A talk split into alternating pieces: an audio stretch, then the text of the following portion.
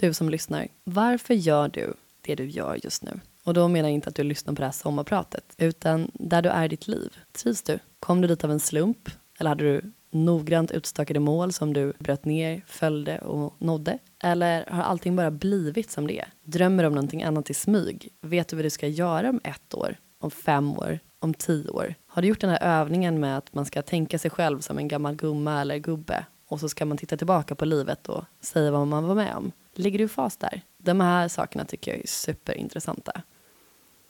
Därför så har jag tillägnat det här sommarpratet till att bjuda in några av mina bästa personer. De drömmer om olika saker, de är på väg. Men det jag undrar är, vet de själva ens vart de är på väg?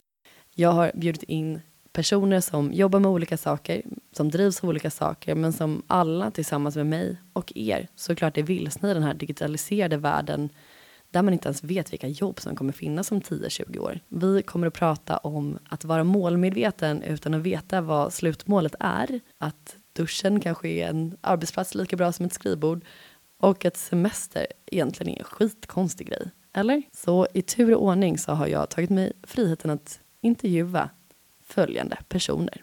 Jonna Knibestöl, bästa vän men också marknadschef för Norden på techbolaget Testbirds. Nils Berglund, pojkvän men också entreprenör på up and coming startupen Vire Technologies. Daff Källström, influencer, PR-geni, artist och hbtq-aktivist, among other things. Och Annie Lindmark, en ny bekantskap. Spännande va? Förutom att boosta företag till höger och vänster och inspirera alla människor hon möter, även har dragit igång nätverket W Empowerment. Hur mår de egentligen och vad är deras tips för att motivera sig att fortsätta drömma? Du som lyssnar kommer att bli inspirerad, det lovar jag. Hej Jonna Knibestall! Hej Julia Salander! Välkommen till poddstudion. Men vad kul att hälsa på dig på jobbet. Ja, visst är det roligt? Ja, Är du nervös? superkul. Ja, men lite. Jag brukar babbla ganska mycket, men liksom inte om mig själv. Nej. Det, av, om man skiljer oss åt så är det väl mer att du gärna gillar att prata om dig själv. Och jag inte gillar att prata om mig själv. Många vet nog kanske vem du är, men vi har ju jobbat tillsammans på Venture Cup. Exakt. Eh, då undrar jag så här, den här, det här sommarpratet är också inriktat till var befinner man sig i livet och varför gör man det man gör och vad är nästa steg? Mm. Och du vill att jag ska ha svar på de här frågorna? Jag vill att du ska svara och ge lyssnarna svar. Okej. Men jag tänkte börja med att fråga hur går man tillväga när man tar mod till sig och eh, säger upp sig från sin bästa vän och sviker henne och byter jobb? Det tror jag att alla lyssnare vill veta. Ehm, ja, Julia, om du har någonting som du vill prata ut om så kanske inte det här är rätt forum. Men du vet väl också att vi har en ganska öppen dialog om saker och ting, så jag tror inte det kom som någon överraskning. Ehm, men som du vet, eh, på Venture Cup så omger man sig av enormt balla människor, både inom organisationen, men eh, framförallt alla grymma entreprenörer runt omkring. Eh, och jag vet att det är väldigt många grymma entreprenörer som sitter och lyssnar på den här podden också. Eh, men så det är inte konstigt att man på något sätt börjar få feeling på det här entreprenöriella livet. Jag ramlade över ett bolag som heter Testbirds som då bara var baserade i Tyskland och som skulle ta sig in på den svenska marknaden. Och de paketerade som att jag skulle få med och build a startup within a startup.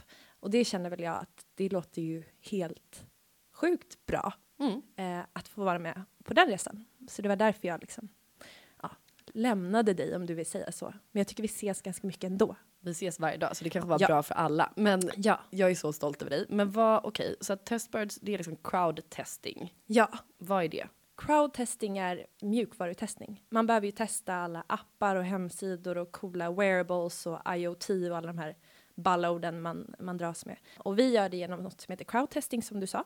Och det betyder helt enkelt att det är vanliga människor som tjänar pengar på att testa, ja, men testa de här apparna och, och hemsidorna.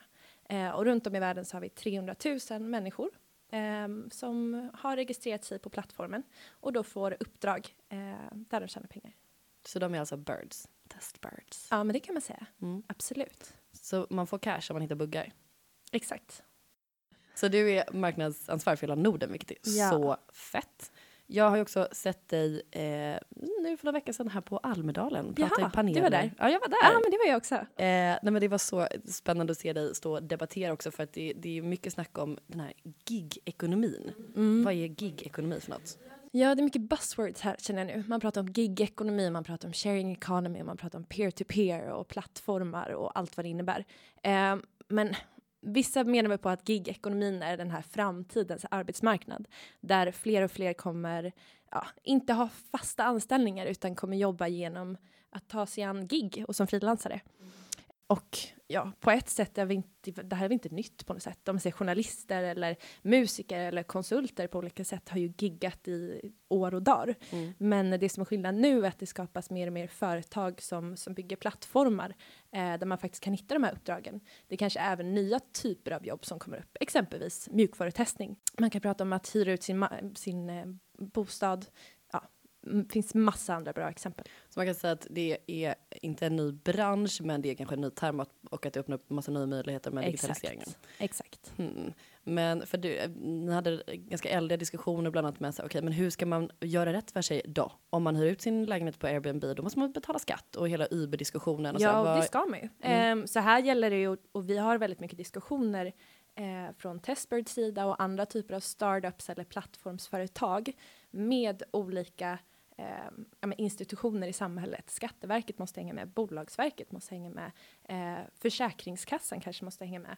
Eh, vi måste ha stöd från eh, facken. Hur ska de kunna anpassa sig till den här nya typen av arbete? Mm. Ehm, så det handlar egentligen på något sätt om att vi står inför en, en, en stor, ja men, det händer väldigt mycket på arbetsmarknaden eh, och alla har egentligen inte svar på hur den här nya typen av arbete ska se ut. Men det handlar om att man pratar om det. Mm. Sen tycker folk att det är bu och folk tycker att det är bä. Men det spelar ingen roll vad folk tycker, det kommer ju att hända.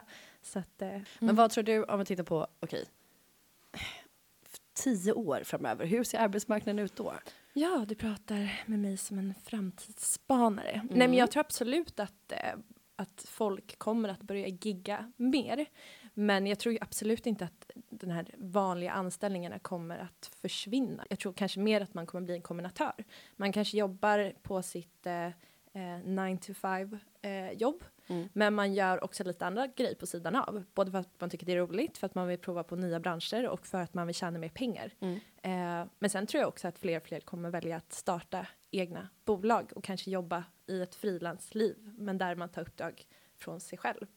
Okej, men spaningen då, vad, hur samhället ser ut om tio år. Vad gör Johnny Knivstall om tio år? Ja, jag vet inte. Alltså, men det, jag har folk planer på vad de ska göra om tio år? Har mm. folk planer på vad de ska göra om fem år? Sånt stressar mig. Jag har ingen plan. Nej, men jag har inte heller någon plan. Ja, men jag, alla säger att man ska ha en femårsplan med mål och målsättningar och milstolpar. Och så här, det har inte jag. Jag vet Nej. inte vad jag ska göra nästa vecka. jag ska åka på semester, jag har ingen hembiljett. Det är väl, det är väl fantastiskt? Ja, det, det tycker jag är... Du, det är definitionen av framgång tycker jag. Uh. Men okej, okay, men om man får gissa då, vad skulle du vilja göra? Alltså vi säger om, vad är nästa steg för dig då efter Testbird, ser du? Är det att jobba på en byrå eller driva eget bolag eller vad tror du att du skulle vilja göra? Ingen aning. Nej, men absolut självklart vill jag driva bolag. Vi har ju ett bolag som skapades när du sa att vi hade ett bolag förra året i den här, i det här sommarpratet. Jag och tycker vi... mig känna en vass stämning i rösten här nu från dig, Jonna. Nej, det var en bra push eh, och vi har ju det där bolaget Allt kul som ligger i bakgrunden som vi kanske ska kicka men, igång någon gång. Okej, okay, men det kanske ska vara våran, vi kan strukturera ut livet efter så här, sommarpraten. Så nästa års sommarprat, uh. då ska vi ha gjort vad med Allt kul? För vi har ett handelsbolag som heter Allt kul. Mm. Och vi har, vad, hur har det gått under året? Vi har fakturerat eh, en. Vi har fakturerat en.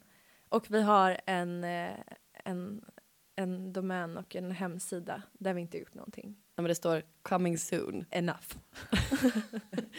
står det coming soon först enough? Kom det, kom, först stod det kommer efter sommaren och sen så ändrade jag till coming soon enough. Men nu är det ju efter sommaren igen. Ja, exakt. Jättebra. Okej, soon enough. Men vi, då, då, tycker jag att vi ska ha, när du kommer tillbaka från semestern, då sätter vi ha ett sånt riktigt planeringshelg och köttar och så sätter vi eh, hur långt vi ska nå för nästa år. Då är det inte en fakturering, utan det är fyra. Ja. Och så ska vi nästa Almedalen ta minst varsitt uppdrag som vi fakturerar Vi är alltid kul. På okay. Almedalen. Ja. Nu har vi sagt det så nu måste vi göra det. Ja. Det är så det funkar. Häng med. Och jag tror inte att mitt problem är att för du vet ju, en, en grundsten inom entreprenörskap när man ska starta ett nytt bolag, det är att man måste få ut och prata om idén. Att man inte ska vara rädd eh, för att, att berätta om den för någon. Eh, för man måste ju liksom få den första feedbacken och se att det finns en marknad.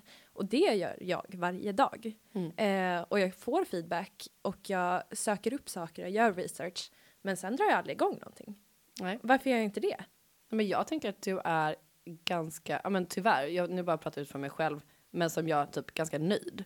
Förstår du vad jag menar? Alltså om man verkligen, verkligen vill så skulle man ju göra det. Eller, Ja. Alltså nöjd, ja det låter ju nästan som en...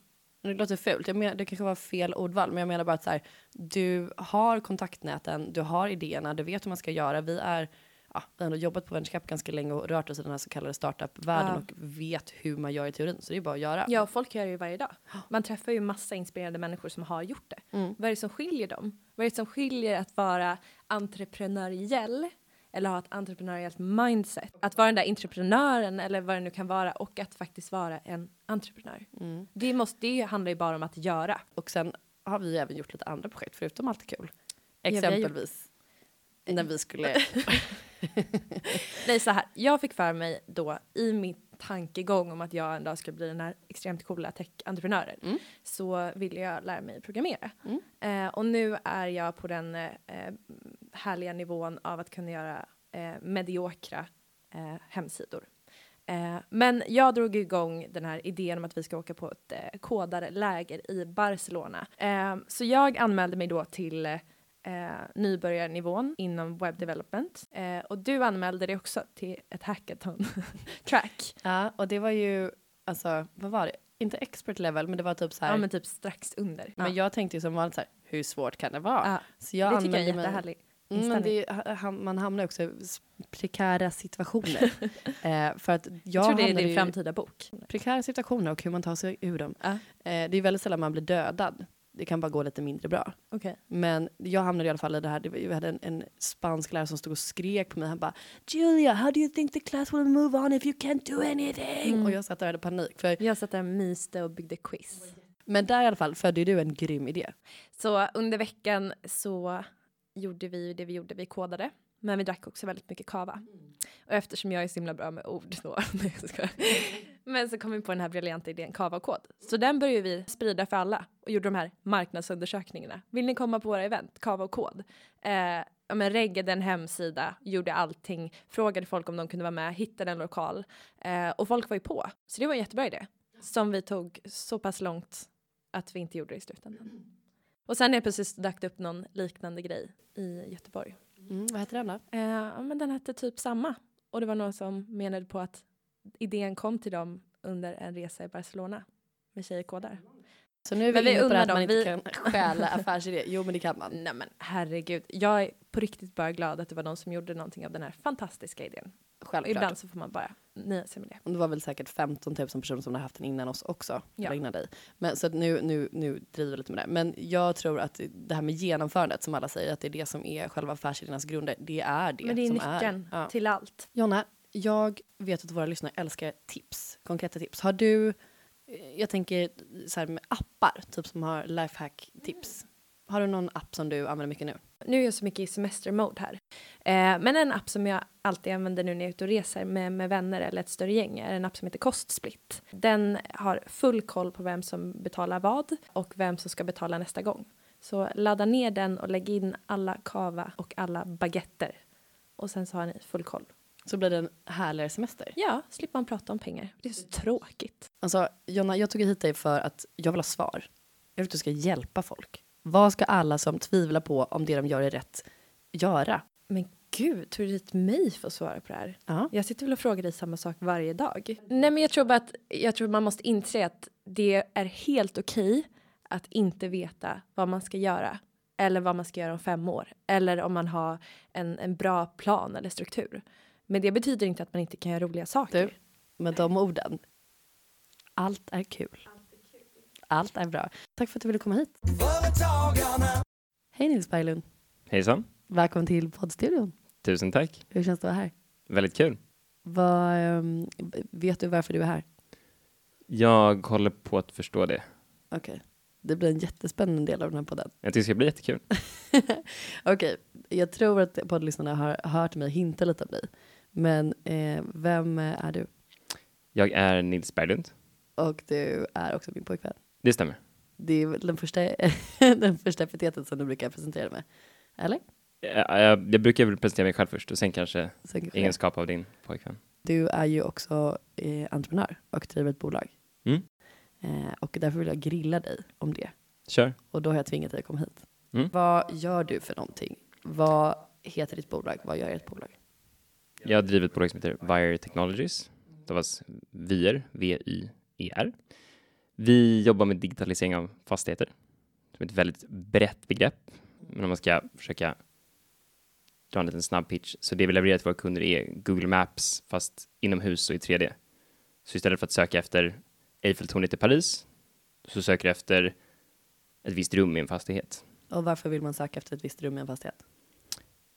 Därför att väldigt många personer spenderar väldigt mycket pengar på att reparera, underhålla och laga fastigheter. Mm. Oftast en felande länk. Det man saknar då är information om var finns det där rummet, eller var finns den där dörren, eller var finns det där handtaget, eller det där ventilationsaggregatet. Och då, vad gör man i, i dagsläget då? då? Skickar man dit någon och så hoppas man att man hittar rätt. Ja, de får leta efter det här rummet, eh, liksom läsa serienumret på det där aggregatet. Ja, du, du går ju lite blind in i byggnaden. Okej, det låter ganska kostsamt. Så Mm. ni vill dig- digitalisera det? Mm. Cool. Och hur kommer det sig att du hamnade här? Ehm, det började som mitt exjobb, som egentligen var något helt annat, men det fick in mig på spåret. Mhm. Och sen så träffade jag min medgrundare och sen dess har produkten utvecklats till det den är idag. Så att jag började med det för kanske två och ett halvt år sedan. Mm. Första raden kod. Cringear du när man säger att du är entreprenör? Eller tycker du att det är coolt? Jag ser inte egenvärdet i att presentera mig själv som entreprenör. Om de frågar vad jag gör så säger jag väl att jag driver ett bolag. Om de är intresserade och vill ställa mer frågor så ja, Ja. ge mer och mer tydliga svar. I get it. Hur många är ni nu? Fem. Ni är fem personer och ni får ändå lön från Wire. Mm. Det är sjukt bra jobbat. Tack. Varsågod. Vad är det svåraste med att vara entreprenör eller att försöka skapa ett bolag som inte finns? Det svåraste med att skapa ett bolag. Nej, men något jag jobbar med väldigt aktivt varje dag, det är att någonstans ta mig själv på allvar. För man möter ju per definition, särskilt i en så underdigitaliserad bransch som fastighetsbranschen, så möter ju väldigt mycket skepticism. Och då blir det lätt att översätta det till att ja, det här är inte på riktigt, eller det här är bara liksom att jag vill bli som i Silicon Valley, eller liksom någon sorts, som att man gör av fel anledningar egentligen. Mm. Och av vilken anledning gör du det? Så jag vill ju göra det för att jag vill skapa värde. Inte för att det liksom är en ädel person, utan för att då känns det på riktigt. Då får man ju riktig feedback från riktiga kunder som säger så här, wow, jag kan gå hem tidigare från jobbet nu, eller wow, vi har sparat massa pengar. Det är ju det som gör det roligt. Det är det som gör att man säger, shit, idag var en kul dag på jobbet. För det är långsiktigt, det är hållbart. Man vill, liksom, det, är en, det är en kick man vill söka om och om igen. Mm. Jag tror att i början kanske jag gjorde det lite för mycket av något sorts vad heter det, fåfänga skäl. Att ja, man har sett Mark Zuckerberg, det här verkar kul. Eh, Så det vill jag också göra så att folk ska tycka om mig. Typ. Men sen så inser man att det inte är hållbart, varken för min personlighet eller för bolaget. Och då börjar man mer försöka skapa kundvärden och så inser man att men det här var ju kul på riktigt. Det här var ju hållbart på riktigt. Hur, för du och eh, Konrad som också är medgrundare, ni Mm. träffades ju när ni pluggade, eller hur? Exakt. Hur rekryterar man de andra personerna till ett techbolag? Var hittade ni dem någonstans? Det har varit slumpen hittills. Så vår tredje anställda, eh, permanent anställda, eh, Lennart, superkille. Eh, han kom in genom att jag träffade honom på jag tror var Stockholm Techfest, Mm. bara slumpmässigt. Och så talar man om det man gör och så tycker man att det är jättekul och så, så visar det sig att han eh, letar efter jobb och då så bara blev det en match. Det, var ju, det, det tog ju lång tid, förhandlingar och hur ska det se ut rent praktiskt? Men, men det har varit väldigt mycket att man träffar på folk. Alltså, nu är vi bara fem pers. Någon gång måste man börja jobba mer aktivt och systematiskt med att anställa, men de jag anställt hittills har varit folk man har träffat slumpmässigt, gamla vänner eller gamla bekanta eller folk som sitter på samma coworking spaces. Mm. Men du är också deras chef, eller? Tekniskt sett, ja, men alla har ju sitt ansvar, alla har ju sitt yttersta ansvar, det de gör. Mm. Nej, men jag bara tänker, om vi är inne på den filosofiska biten, hur ser du, för en sammanbackad fråga, vad, tror, vad vill du att vi eller Wire ska vara om fem år, om tio år och så här, hur, hur många tror du att ni kommer vara då? Hur jobbar du som chef med det? Alltså hur man, för är man fyra personer eller fem personer så är man som du säger vänner och, och håller koll på att så här, det här är mitt ansvarsområde. Du är chef, men det är ändå så här, alla bestämmer tillsammans. Vad, vad tänker du kring det när bolaget växer? Det kommer ju se annorlunda ut i takt med att bolaget växer. Mm. Jag är övertygad om att produkten vi bygger kommer finnas över, oavsett om det är vi eller någon annan som levererar, men det kundbehovet vi ser. Mm. Eh, någon kommer leverera det, troligen oss, över världen över. Och om jag ska kunna leverera till så många personer, då måste man ju ha en organisation som stöttar det. Det blir en väldigt stor organisation och då måste man göra det mer systematiskt. Man måste gå från en mer agil, rör, lättrörlig organisation till mer strukturer såklart.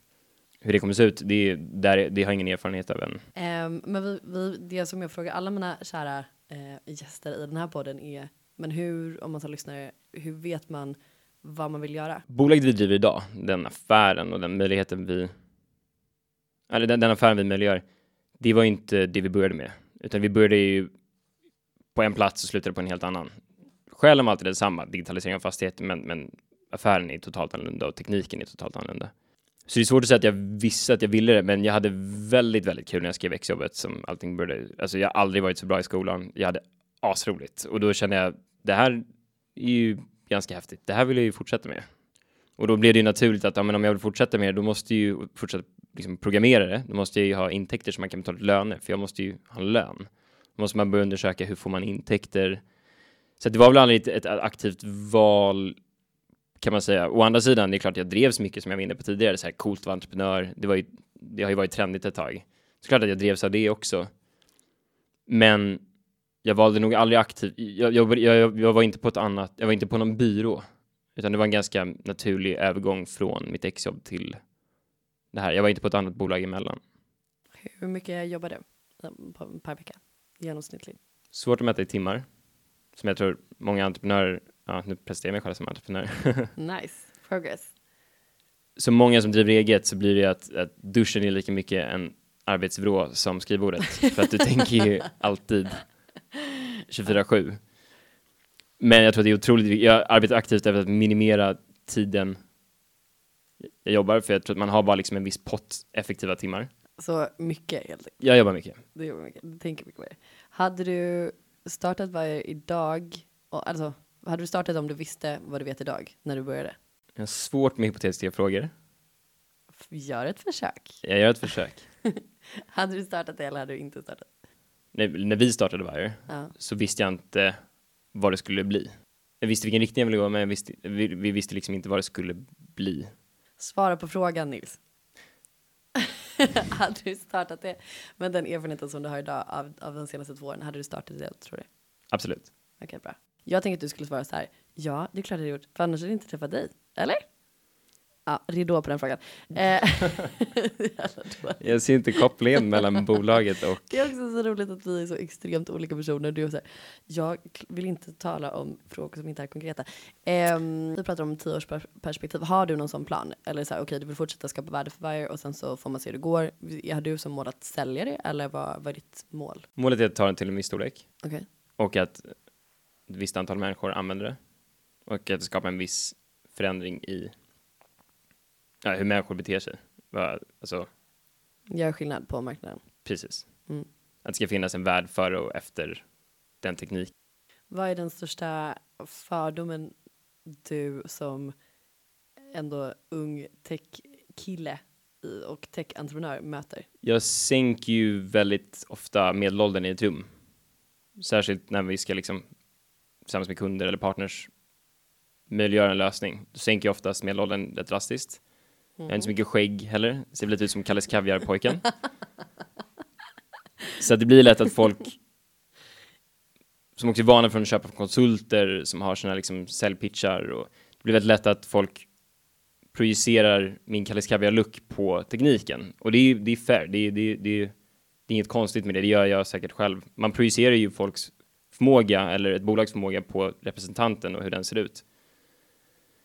Men så jag har bara gjort det till mitt mål att, att väldigt snabbt fokusera på kunden, rikta fokus på kunden och på deras behov och deras liksom var de läcker pengar eller var de har problem istället för att inte jag har väl, jag har väl snackat, sagt till dig flera gånger lite slarvigt att jag blir ledsen när folk eh, eh intresserar sig för min ålder. För jag tycker det är irrelevant. Vi har båda ett mål att sänka deras kostnader. Men jag tror att det inte är konstruktivt att jag fokuserar på det heller. Det är bättre att jag bara fortsätter bli bättre på att snabbt identifiera deras behov så att, vi, så att det inte är en, en fråga. Men det är klart, folk drar en parallell mellan ålder och förmåga. Det jag tycker är kul med alla er som jag bryter in idag är att ni är ganska men så här, first adapters. Så att vilken är din, om du får ett tips på en app som förenklar ditt liv? Så jag tycker väldigt mycket om Google Maps. Men det är jag nog inte ensam om, så jag antar att du söker någonting. Nej, det måste inte vara unikt. Det kan bara vara en påminnelse om att så här, vara tacksam för Google Apps. Men eh, gärna någon ny annars. Eller ett litet mobilspel kanske. Ja, det finns ett jag gillar väldigt mycket, men jag uppmuntrar inte någon till att spela mobilspel. Det är en hemsk, eh, hemskt beroende som jag inte uppmanar någon att ta del av. Jag försöker aktivt avvänja mig. Tack för att du kom hit. Tack för att du kom. vi, vi ses och hörs. Det gör vi. Företagarna. Hej Daf Källström och välkommen till min podd. Trevligt att få vara här. Jag vet inte, jag ska försöka presentera dig sen. Men du är ju, vad är du? Vad gör du för någonting? Mitt namn är Daff. Jag jobbar som influencer. Eh, jag har startat fyra olika bolag. Två gick åt helvete, två gick bra. Inget gick så bra som Spotify.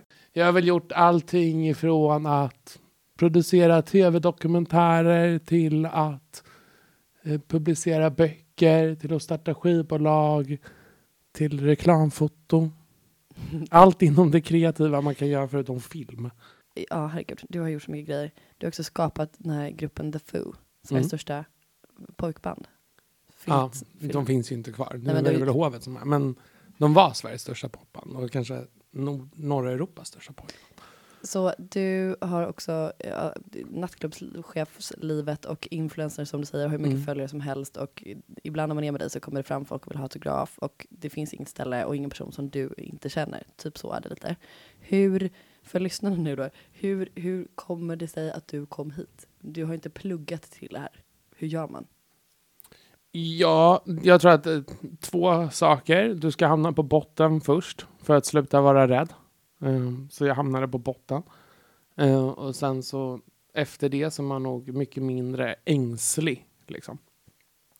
Så det är väl en grej. En annan grej är att jag inte är så rädd för att sticka ut. Och ska det vara en, en anställd person kanske det är bra att sitta i en kavaj och sådär. Men ska det vara entreprenör eller göra någonting eget så måste det ju sticka ut ur mängden på ett eller annat sätt, oavsett om det är kläder eller din härkomst eller vad det nu än är. Men du kan inte bara vara, för att starta någonting nytt så kan du inte vara som alla andra.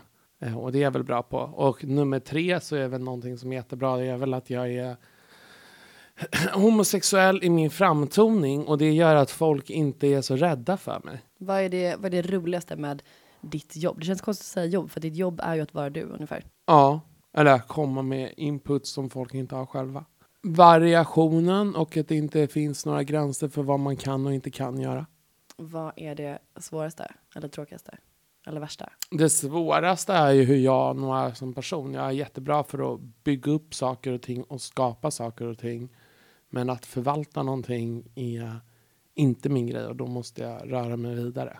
Hur tar man betalt för alla de olika konstiga grejerna som du gör? Jag var väldigt dålig på att ta betalt när jag var liten. Nu tycker jag är väldigt bra på att ta betalt från kunder, men jag är väldigt dålig på att eh, kapitalisera. Mm. Om du gör någonting på sikt, när du är liksom tar någonting jättesimpelt, du gör en Instagram-kampanj för ett bolag som heter ICA. Och ICA är lite rädda, de gör liksom en testrun. Så de testar att ge dig 50 000 kronor för att göra ett samarbete med dem. Och så gör du det och det blir jätte, jättebra. Då vill de göra igen och då är de villiga att satsa 500 000. Mm. Men då tycker jag att det är tråkigt att göra det igen. För då har du redan använt deras varumärke kan man säga. Ja, eller gjort samma sak. Då vill jag ju testa någonting nytt. Och då måste de, då blir de så okej, men om vi ska testa något nytt. Då måste vi testa det först. Ja. Okej.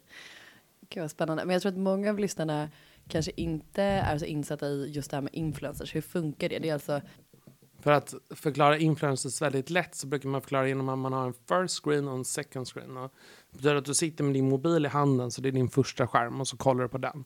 Och det, vad som är på den, det är liksom det du verkligen tar in. Det som är på din second screen, det vill säga på tvn kanske, eller på någon annan skärm när du går förbi på gatan och det är skärmar på gatan och så här, det är din second screen. Mm. Din andra marknadsyta. Och det tar du bara in i periferin Mm. och betyder inte lika mycket. Eh, och eh, influencers är ju personer eller kanaler i sociala medier som folk själva har valt att följa. Ehm, Mm. Det vill säga, du kan inte säga att en influencer är när om företagen väljer att sponsra sin egna kanal på Instagram så betyder inte det ett influencer-inlägg så att säga. Vi tar TV4s problem med Bianca Ingrosso i Let's Dance Mm. exempelvis. Eh, för hon är med i Let's Dance. Eh, företagen börjar ju förstå att hjälp vad vi får ut mer om vi säljer marknadsplatser eller köper marknadsplats på hennes Instagram där folk självmant väljer att följa henne där folk gör, där hon gör relevant content efter det hennes följare vill se Um, och det engagerar folk jämfört med om um, de köper reklamen mellan i Let's Dance som liksom är i pauserna som folk inte vill se där det inte är en trovärdig avsändare där de blir tvingade att se budskapet och vem kollar på tv-reklam nu för tiden? Det sköna för TV4 är att de flesta medieköparna och marknadsköparna och marknadscheferna är ju liksom för gamla för att förstå sig på Instagram så de fortsätter köpa tv-reklam ändå. Men hur ser du eh, på det framöver? Alltså hur många år kommer det ta innan de här medieinköparna är så pass unga att de fattar tekniken? Eller håller det på att hända? Ja, det håller väl på att hända mycket mer och mer och mer. Men där ligger ju Sverige och det är ju spännande. Sverige är en sån extrem framkant. Alltså förr i tiden, om vi kollar på Daniel Wellingtons success story, så var ju det, de hade ju folk, för influencers var så nytt. Så att om du hade 50 000 följare så skickade de en klocka till dig gratis, så la du upp en bild på det. Marknadsvärde 40 000. Men de betalade aldrig någon för det fanns ingen business kring det. De, direkt om att de fick produkten. Exakt, Mm. så la de upp det. Ehm, och så byggde ju de en jätteframgång på det. Och nu i Sverige så är ju det alltså inrutat att folk, alltså folk tar ju betalt om de har 8000 följare på Instagram. Liksom. Mm. Men vad vi inte tänker på det är ju att svenskt mobilnät funkar så otroligt mycket bättre än mobilnätet funkar exempelvis i London. Ja, det är en förutsättning. Ja. Hmm. Gud, har massa intressanta spaningar här. Hur, vi pratar, temat och den röda tråden är så här, dela med sig av tips och hur fasen vet man vad man vill göra nu i det här liksom, digitala samhället där man inte vet vad det kommer finnas för jobb om 20 år eller om 10 år. Har du någon femårsplan eller tioårsplan vad du ska göra? Jag tror att man kan sätta upp mål i form av hur man vill leva. Det vill säga, jag vill vara fri, jag vill inte vara bestämd, jag vill inte ha några arbetstider, jag vill tjäna tillräckligt mycket pengar för att kunna resa vad jag vill, hur jag vill och samtidigt så om jag får barn om tio år så vill jag ha mycket tid att vara med dem. Mm. Eh, Sådana saker. Men att liksom bestämma vad för yrke, alltså huruvida en mäklare, fastighetsmäklare finns om fem år eller tio år är ju väldigt svårt att veta. Vi gillar tips. Mm. Så ett tips just nu som jag frågar om är så här, har du någon typ lifehack-app eller någon app som du använder? Jag vet att du är ganska digital person överlag. Alltså jag tänker svara något så basic som YouTube. Alltså Mm. kunskap, alltså var och en söker för jobb och säger ah, du ska ha Photoshop-kunskaper. Det räcker med att du har YouTube i mobilen och sen så kan du lära dig Photoshop. Eller om du inte vet hur man bokför, då räcker det med att du har YouTube. Och så bara, eller du ska vara makeupartist men du vet inte hur du ska sminka en ögonskugga. eller du vet inte hur du ska knyta en fluga. Eller du vet inte hur du ska organisera ditt nya kundbasregister. En av utmaningarna med att driva bolag är att ha personal. Mm. Har du någon anställd? Nej. Varför inte då? Därför ehm, att ha anställda innebär ansvar och då tar jag heller in konsulter som jobbar med olika projekt. Dels för att jag vet om att om jag tar in någon så kanske jag själv känner att om ett halvår så vill jag göra någonting annat eller flytta till London eller bli erbjuden det här och det här jobbet. Då vill inte jag lämna dem. Ehm, och sen så har jag haft personal förut. Jag tycker det är en jätteutmaning. Ehm, för att du hamnar så mycket... Alltså så här, för att kunna expandera din business så behöver jag personal. Mm. Men då behöver du också vara en person som tar in och lyssnar och utvecklar och motiverar din personal varje dag. Och det, Och det kan inte jag. Jag har inte tålamod för det. Jag kan inspirera folk, men jag kan inte sitta och lyssna på när någon pratar om att hej, min, min katt måste till veterinären så jag kommer missa det här inställningsmötet för en halv miljon för den här produkten. Alltså då får jag panik. Ja. Och sen så vet jag också om att jag gjort så otroligt konstiga rekryteringar. Berätta.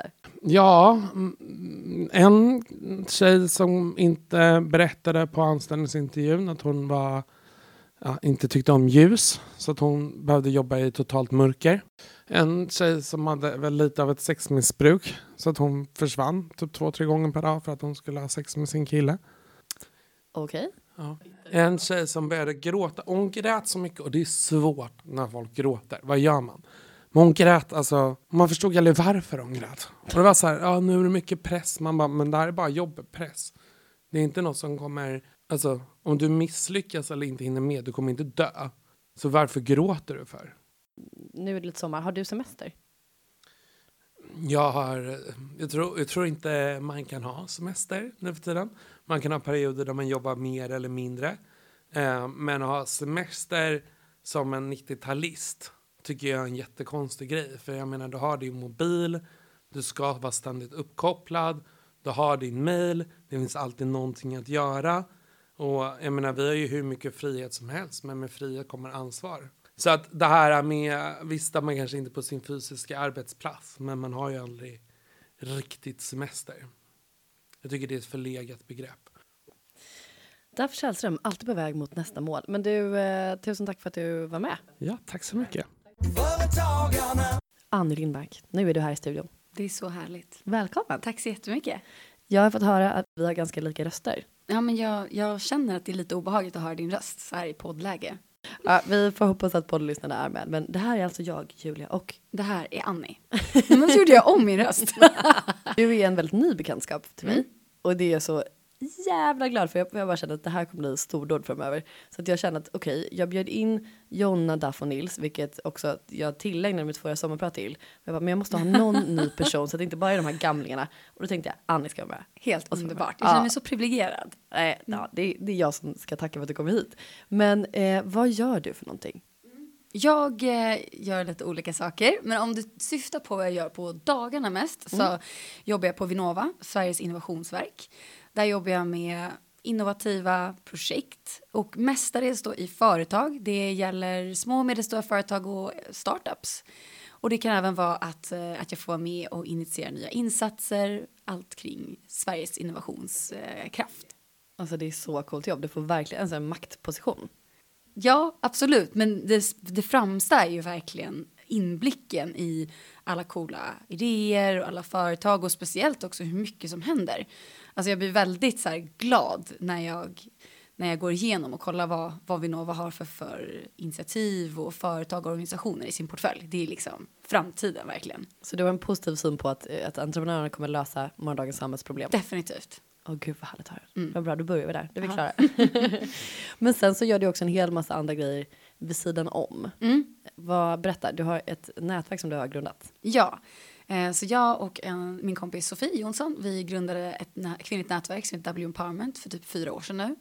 W Empowerment är ett nätverk och en förening där vi ämnar att främja självledarskap som är kring mycket värderingar, personlig utveckling, drivkrafter och entreprenörskap.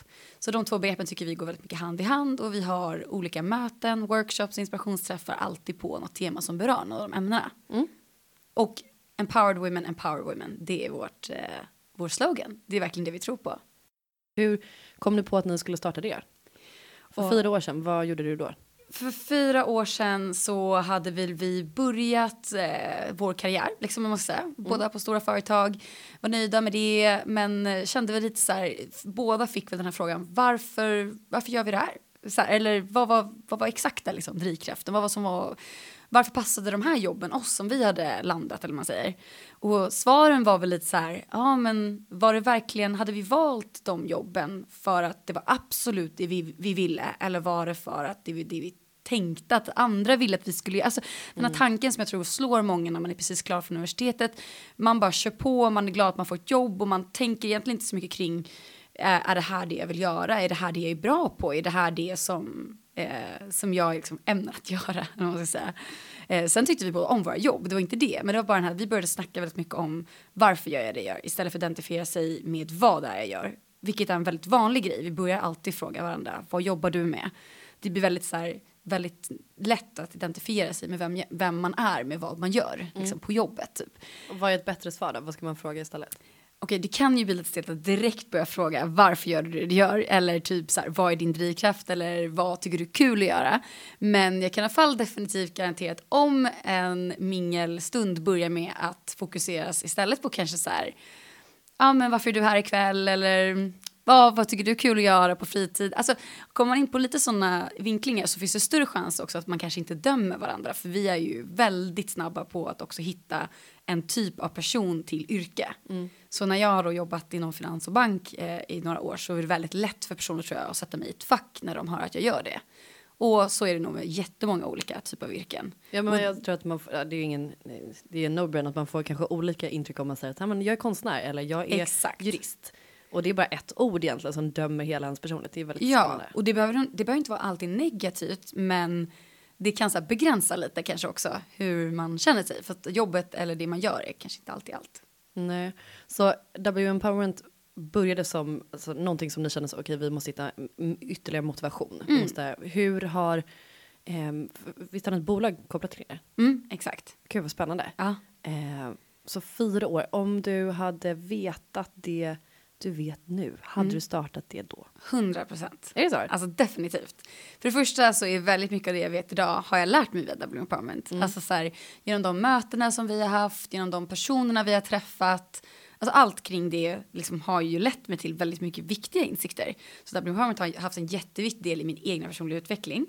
Eh, men sen så tror jag både jag och ja, Sofie då, som jag driver med hade båda sagt ja med versaler också för att vi nu vet ännu mer än vad vi visste då hur viktigt det är som vi tycker i fall med nätverk och mö alltså, mötesplatser. Och också hur coolt det är att vi kan liksom genom att forma ett manifesto och typ hur är det vi är här? Och Dublin Parliament har väldigt så här vi börjar alltid våra möten med att prata om så här ja men på de här mötena så är vi öppna vi respekterar varandra vi hyllar vi peppar vi lyssnar vi lär. Och jag tror att genom att sätta den formen på ett möte så blir en blir en stämning som är jäkligt cool. Och eh, ja, det, det öppnar upp så himla mycket. Så här, vänskapsband, eh, nya typer av kontakter som jag tycker är jätteviktigt. Så hade det absolut definitivt startat om jag visste det jag visste idag. Det är så coolt. Och vad var första steget då? Jag tänker om vi har några lyssnare som tänker men här i min stad där jag bor, där finns det inget sånt här. Och jag vill dra igång ett nätverk kring antingen det man brinner för liksom på fritiden eller sitt jobb eller bara typ jag vill hitta en mentor. Vad är ditt tips för att dra igång något sånt här projekt? Alltså, för det är någonting som växer organiskt tänker jag. Ja men exakt, när vi drog igång det så tror jag att det var väldigt så här det var nog lite så här trev, äh, träv, eller heter trevande. Vi visste nog inte hur vi skulle göra. Så att, eh, det första som, som hände var egentligen att ta kontakt med andra personer som hade gjort det. Liknande, vi hittade inte det här, den här plattformen. För hade, vi, hade den här plattformen funnits så hade vi varit jätteglada och gärna velat bidra till den. Så jag kan också tycka att det första kanske är undersöka om det finns något. Eh, och i sådana fall kan du bidra för att få det att växa. Ehm, men eh, när vi insåg att det inte fanns något sånt här så började vi ja, men så här, fråga ut folk på luncher och träffa personer som drev liknande saker eller hade liksom, ja, kunskap om det. Så det skulle vara första tipset, att börja så här, dra dig till sådana personer som, som har liksom någon erfarenhet eller kunskap om det. Träffa dem, kräma ut deras liksom kunskap, erfarenheter och lär dig av det. Och sen så finns det också väldigt mycket så bra tips att få om man söker liksom på internet. Så här. Men jag skulle absolut säga den främsta grejen är att träffa personer som, som gör något liknande. Och Oftast blir folk bara glada när man ju frågar om man kan få träffas och få höra deras erfarenheter och hur de gjorde. Vad har varit det, det svåraste? Jag tänker kanske både alltså med W empowerment men också liksom i din karriär. Mm, det svåraste hittills... Eh, jag, jag svarar så här då. Eh, det att inte alltid veta vart man är på väg. Och typ en av de bästa, liksom bästa lärdomarna jag känner att jag ändå känner mig bekväm med idag. Det är känslan över att det blir bra, men jag kan omöjligt förutspå hur det blir. För jag menar, jag, om man tänker på min bakgrund så började jag först med tanken att jag skulle bli idrottspsykolog. Jag älskar, jag har tränat väldigt mycket i hela mitt liv och tycker psykologi är superspännande och det mentala och det eh, fysiska, att det är så coolt när det går ihop och hur bra det kan bli. Sen kom jag in på finansekonomi. Tyckte att det kändes som en rätt så här, naturlig gång men jag började plugga det och sen så för att göra alla andra i min omgivning superförvirrade så la jag till en master med innovation och entreprenörskap. Men för mig så har det varit så här efteråt så har jag kunnat se så här men det där är ju en klockren kombo. Det där för mig är så här men, men jag tror att undergången och också när jag, liksom, det jag jobbat med att det varit liksom, jag har fått pröva mig fram och att så här, eh, känna att det är okej okay och att det, det, får, det blir liksom vad det blir. Och Det finns ingen perfekt utstakad väg, i alla fall inte för mig. Eh, utan jag har fått testa mig fram. Sen finns det ju vissa som vet vad de vill göra när de är, liksom, sen de är små och kan så här, hitta så här, det här, så här ska jag göra för att nå dit. Men för mig har det varit väldigt mycket att testa sig fram och se vart, eh, vart det leder. Har du eh, någon slags här femårsplan eller tioårsplan? Alltså, jag känner mig som en trotsig tonåring när jag får den frågan. För jag bara, nej, jag vill inte bestämma. Men alltså, jag tror också att, att, jag menar, fem år, alltså när man jobbar med, i alla fall de områden jag tycker är väldigt kul att jobba med som, som har varit då i alla fall, finans och bank eh, och nu väldigt mycket mer innovation, entreprenörskap, så blir fem år också rätt så här, helt okej okay att säga att man inte vet vad jag kommer göra om fem år för att det känns någonting som kommer fortsätta bara förändras och det är bra och det är positivt att det fortsätter förändras. Så att jag, nej, jag vet verkligen inte vad jag gör om fem år, men jag hoppas att jag fortsätter jobba med liksom, företag, spännande innovativa lösningar och innovation i stort. Innovation i stort. Jag tänker så här. Mm, hur vågar man dra igång? Det första man tänker är att jag måste ha en jätteunik idé. Eh, och sen när man kommit över den tröskeln så bara, nej men det kanske handlar om att bara dra igång. Men eh, jag och min kompis Jonna har ju ett, eh, ett bolag som vi driver, men vi har lagt 0% energi på det, för vi har inte hunnit. Men någonstans är det så här, varför har vi inte gjort det då? Alltså ett, ett svar är ju man bara kör. Men jag tror också så här, jag, jag har också testat att köra ibland och så, så blir det så här, men om det ska bli riktigt bra så tror jag också att du behöver ställa det här varföret. Alltså varför ska jag göra det här? Mm. Det blir lite, det är tillbaka till det här med självredskap och egentligen hitta så här, alltså motivationen till det. För jag menar om man exempelvis bara, men jag, jag, ska, jag, ska, jag ska springa halvmaran. Eh, det ska jag också göra. Men det var ett dåligt exempel. Men, men man, man sätter upp det som ett mål. Och då tror jag så här att om du bara gör det för att så kommer det bli sjukt svårt att träna. Alltså mm. det kommer liksom, ja. Så det behövs ju vara någon slags, så här, finnas en tydlig kraft liksom i varför vill jag göra det här? Men okej, okay, jag, vill, jag vill må bättre, bli starkare. Alltså så fort man hittar de där positiva drivkrafterna, då tror jag det är mycket lättare. Så istället för bara, jag ska starta någonting, så här, för mig i alla fall så har det varit väldigt viktigt så här, men varför ska jag starta någonting? Inte bara för startandets skull, utan vad är det vi ska göra och varför är det viktigt för mig? Vad kommer, vad kommer jag få ut av det? Tror du att eh, W Empowerment finns kvar om tio år? Det tror jag absolut. Jag frågar också här nu i den här podden om eh, tips på appar som gör livet bättre. Det tycker mm. jag är mm. superkul. Oftast är det så när man kollar på sina kompisars telefoner så är det massa appar man aldrig hört talas om. Mm. Har du någon, eh, något tips? Ja, alltså jag har ju två favoritappar. Får mm. man säga två? Ja, det får man. Den ena är Headspace. Headspace är en så här, eh, fantastisk meditationsapp. Och den andra är Noisio. Noisio är alltså en app där du sätter på dig hörlurarna och sen så är det en massa olika entoniga ljud. Alltså det kan vara typ så här, du kan bestämma vad du vill ha. Det finns där Ocean Breeze. Så kan du liksom sätta på det och då låter det som vatten som plaskar upp på stranden. Oh. Det finns uh, Wooden Cottage typ eller vad det är. Så låter det som att du är ute i skogen. Det finns café. Och, alltså det finns massa olika ljud. Som du bara kan sätta på. Okej, två supertips. Tack. Ska ladda ner med en gång. Mm. Annie, tusen tack för att du kom hit. Tack så jättemycket Hoppas att vi kommer tillbaka. Ja, självklart. Jag sa ju att ni skulle gilla det, eller? Jag är så otroligt tacksam över att ha de här personerna i mitt liv och jag är också otroligt tacksam för att just du har lyssnat den här stunden på de här personerna. Vill ni komma i kontakt med dem så vet ni var ni hittar mig. Jag hoppas och tror att du är på en plats som du gillar, att du håller på eller kanske redan har skapat ditt eget drömliv och att om så är fallet att du delar med dig till de som inte har kommit dit ännu. Stort tack för att du har lyssnat. Vi hörs snart igen. Hej då!